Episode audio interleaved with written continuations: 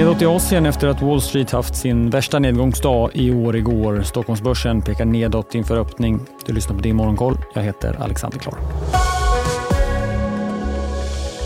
Ja, det mestadels nedåt i Asien efter rejäla fall på Wall Street igår. Tokyobörsen är ner drygt 1 Börserna i Fastlandskina klarar sig bättre, ner kring en halv procent och Hongkongbörsen klarar sig bäst.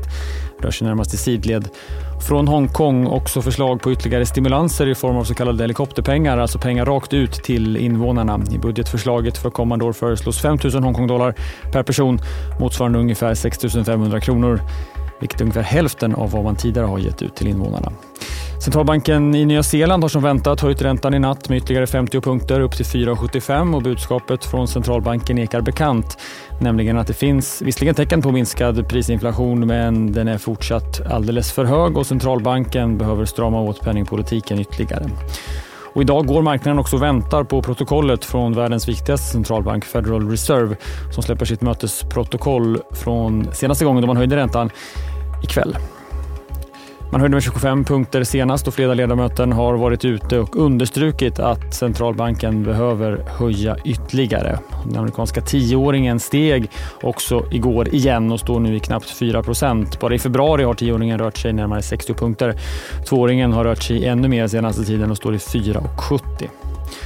Och Wall Street hade alltså sin sämsta dag i år igår efter långhelgen. S&P 500 backade 2% och teknikfokuserade Nasdaq full 2,5 en av få ljuspunkter då var rapporterande it-säkerhetsbolaget Paolo Alto som rusade närmare 10% i efterhanden efter den rapport som överträffade förväntan.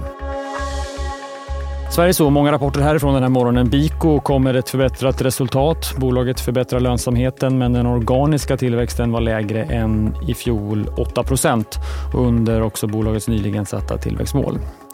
Biko meddelade också nedskrivningar av goodwill inför rapportsläppet och ytterligare kostnadsbesparingar.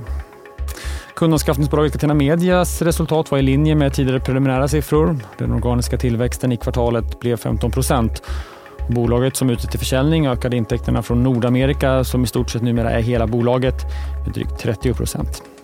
Och en av de som nyligen köpt in sig i Catena Media det är branschkollegan Better Collective som också släppt siffror. Bolaget har redan gått ut med en så kallad omvänd vinstvarning och siffrorna som kom efter stängning igår var i linje med de preliminära beskeden och starten på Q1 har inletts med en årlig tillväxt på 40 procent. Rapportmorgon i DTV startar klockan halv åtta. Vi följer också börsöppningen såklart i Börsmorgon. Och där kan det bli eh, press nedåt för Fortnox aktie efter att huvudägaren och styrelseordföranden Olof Hallrup sålt aktier i bolaget för drygt 600 miljoner kronor, motsvarande 8 procent av eh, Hallrups innehav. Försäljningen gjordes till en rabatt på nästan 6 procent.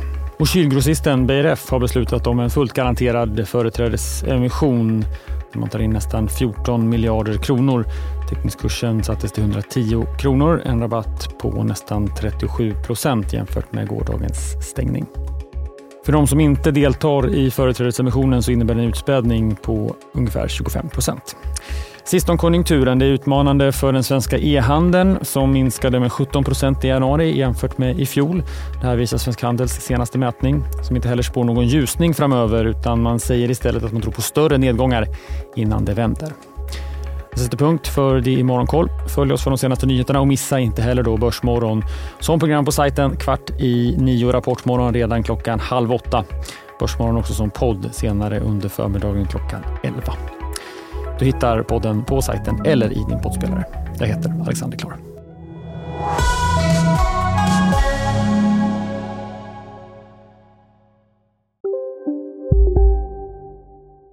Där det finns ett samhälle, där finns det brott. Krimrummet är podden som tar brottsligheten på allvar.